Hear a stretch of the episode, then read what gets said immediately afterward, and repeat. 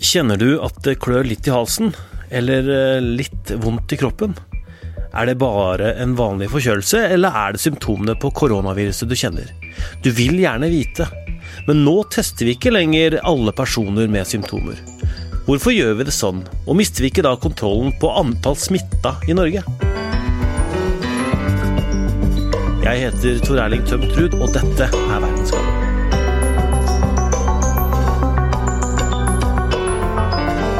Til nå har personer som har vært i utlandet, eller vet de har vært i nærheten av mennesker som har koronaviruset, fått lov til å teste seg.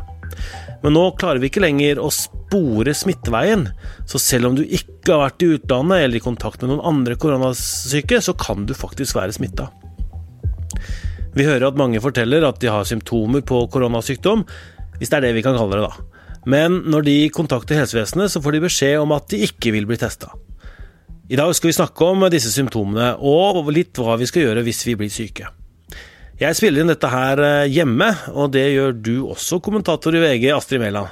Ja, det gjør jeg. Nå er vi i hjemmekarantene på VGs eh, leder- og kommentaravdeling, akkurat som dere er på Verdens Gang, skjønner jeg? Ja da, vi sitter eh, og spiller inn dette hjemme. Men du følger jo med på hva myndighetene til enhver tid vedtar og råder oss til nå. Og hva er det som gjelder nå, med hvem som kan testes? Ja, nå er vi kommet inn i en ny fase i, i, epidemien, eller pandemien, da. Og da er jo planen at man skal slutte å teste alle sammen, akkurat sånn som det er eh, med influensa til vanlig. Man tester jo ikke alle sammen da heller, det er jo så utrolig mange som får det. Eh, og etter hvert nå så kommer det til å være ganske mange som får eh, koronasmitte òg, og da eh, må man bruke ressursene på sykehusene, på eldrehjem og på helsestasjoner rundt om i Norge på å pleie og ta vare på dem som er syke, heller enn å bruke ressursene på å ta prøver. Det er jo òg begrensa tilgang til prøvetakingsutstyr. Det har jo vært et problem i store deler av verden, som vi har lest om. Det er for lite beskyttelsesutstyr og for lite sånne reagensrør, og derfor så vil de prioritere å ta prøver av personer som virkelig er viktig å ta prøver av. Og hvem er det? Nei, det er jo dem som er ligger på, eller er i ferd med å bli innlagt på helseinstitusjoner, de er jo viktige å vite at de ikke er smitta. Sånn at da setter de jo inn andre tiltak for å isolere dem, sånn at ikke resten av sykehuset eller gamlehjemmet eller hva det nå måtte være, får det. Og så er det noen andre grupper som, som fortsatt er prioritert. prioritert. Jeg tror det kan endre seg eh, etter hvert som eh, epidemien utvikler seg, men ansatte i helsetjenesten Eh, blir òg testa, fordi de har jo masse kontakt med pasienter. Mm. Um, og så er det jo spesielt eh, sårbare grupper som vurderes og testes, da, fordi uh, dem, for dem kan det jo være farlig selv om de bare har milde symptomer i starten, og da er det viktig å vite mm. at de har hva de har, sånn at vi kan sette i gang ordentlig pleie for dem, da. Ja. Og så er det en siste kategori, og det er personer med akutt luftveisinfeksjon som har vært i nærkontakt med noen som har korona. Uh, og det er altså da folk som enten har feber eller hoste og, eller kortpustethet. Så de som er akutt syke i luftveiene, de blir testa hvis de kommer i kontakt med helsevesenet? da? Uh, ja, hvis de skal legges inn, eller det vurderes innleggelse. Og hvis de har hatt kontakt med noen som er bekrefta covid-19-smitte. Vet du hva de som liksom tror de har korona nå skal gjøre? Ja, det vet jeg, eh, fordi jeg leser det på FHI sine nettsider. Eh, folkehelsa.no, der oppdaterer de jo det her helga gjennom eh, hver dag. Og det de mener at du skal gjøre nå, hvis du føler det litt dårlig, det er rett og slett å mm, holde det hjemme, eh, ikke ha kontakt med, med, folk, og så stå han av. Altså, du trenger ikke å kontakte eh, legen din eller andre hvis du føler det litt dårlig nå. Eh, men hvis det er klart at hvis du føler deg skikkelig dårlig etter hvert og begynner å få behov for hjelp og bli redd og sånn, så kan du ringe fastlege eller eh, legevakt eh, for å få hjelp mm. fortsatt. Det har jo vært litt ulik testpolitikk i forskjellige land.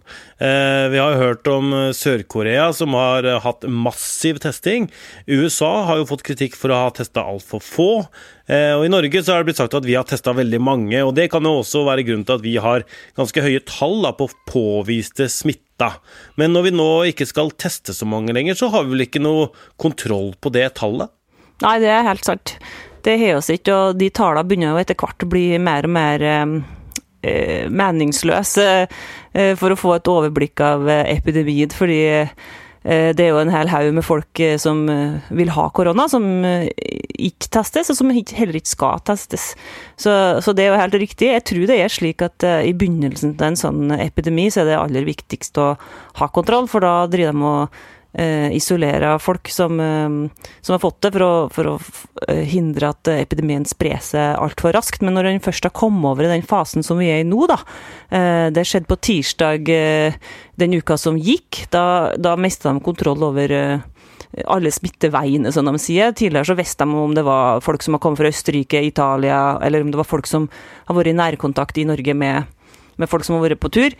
Nå har ikke kontroll lenger, og det er òg egentlig forutsigbart. Det vil jo skje i enhver sånn epidemi, at uh, på et tidspunkt så, så mister du kontrollen fordi det sprer seg så fort. Og den eh, covid-19 er jo eh, kjempesmittsom sykdom, så det er som forventa at man mister kontroll. men når man ikke lenger har kontrollen på det, så slutter man å teste, og da vil de tallene, helt sånn som du sier, være mindre mindre interessante. Men Folkehelseinstituttet har jo andre måter å gjøre det her på, sånn som de gjør med influensa hvert år. De, de har jo tall sant, på influensa hvert år. De mm. driver ikke og tester 400 000 eller 200 000 eller hva det nå skal være for å få de tallene.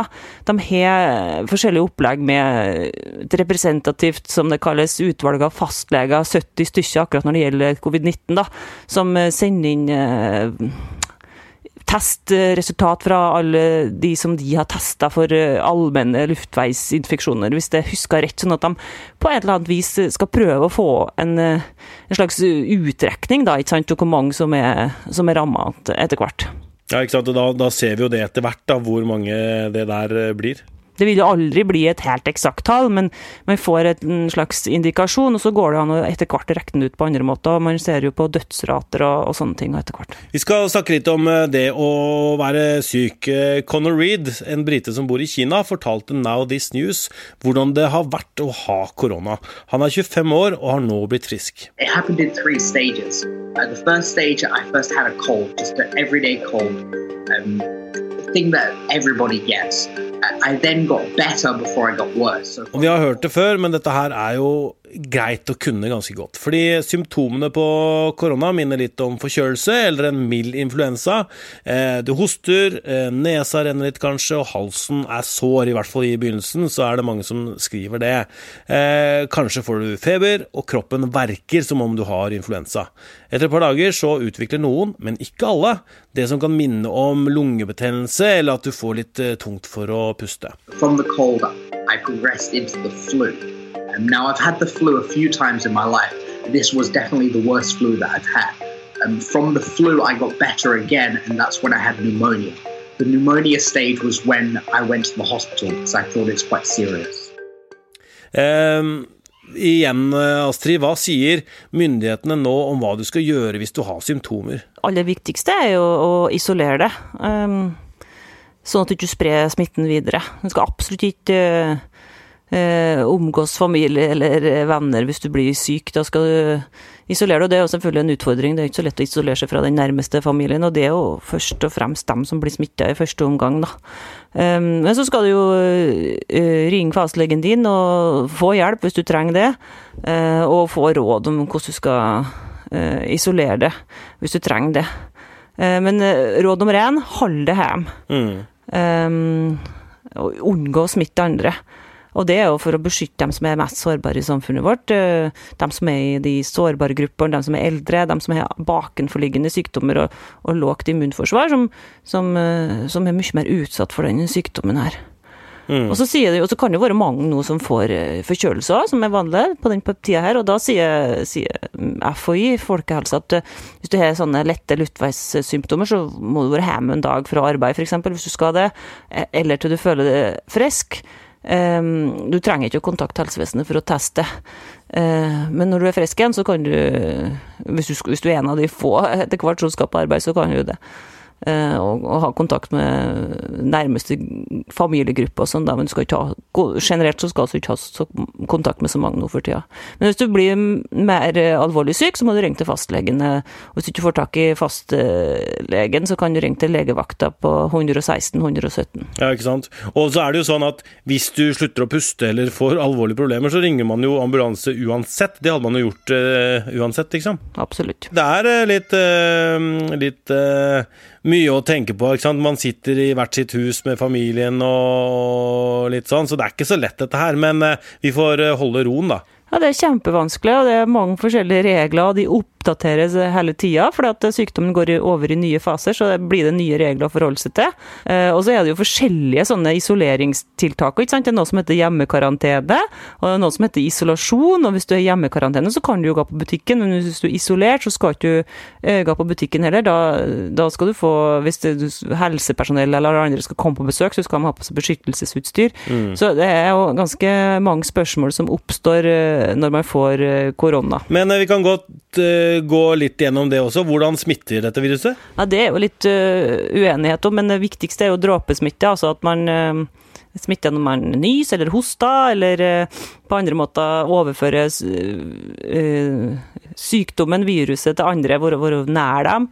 gjennom det er kroppsvæsker. Det kan òg smitte gjennom avføring.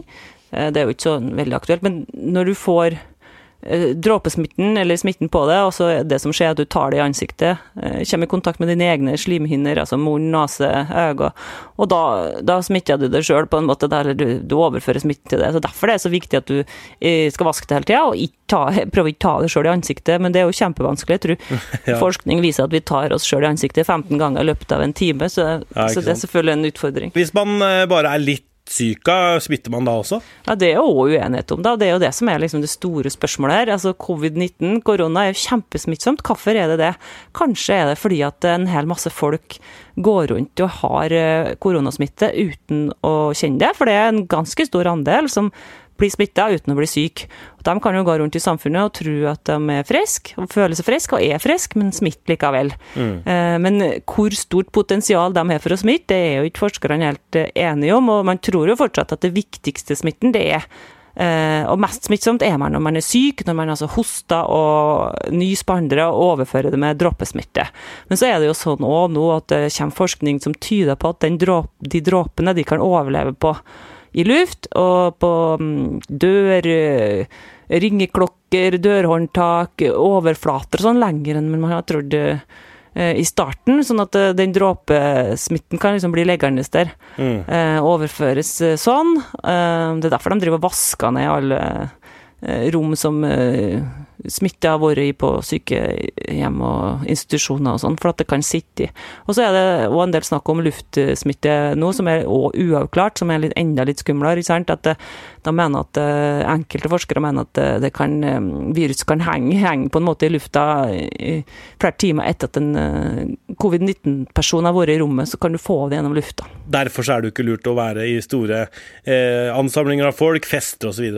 Nei, absolutt ikke. Det ville jeg unngått. Det går an å gå på butikken, men det er nesten bare det som er åpent for tida, og det er ikke noe lurt å vært på fest, og egentlig ikke på restaurant eller Nei. noe som helst som utsetter for smitte. Skal oppsummere litt. Det er jo sånn nå at ikke alle som selv mener de har symptomene, blir eh, testa.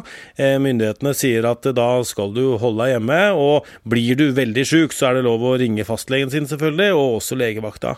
Eh, men regelen er da at vi skal holde oss unna hverandre.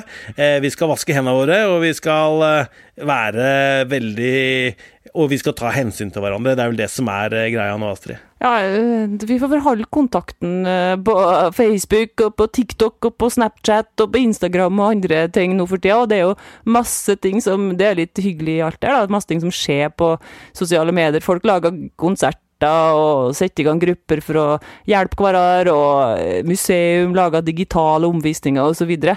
Eh, så det er liksom der vi må ha den sosiale kontakten, fordi det er dumt å møtes. Eh, og hvis du skal møte folk, så anbefaler folkehelsa å møte bare et par utvalgte venner når det gjelder barna, og halse til dem. Takk for at du var med i Verdens Gang, Astrid. Bare hyggelig.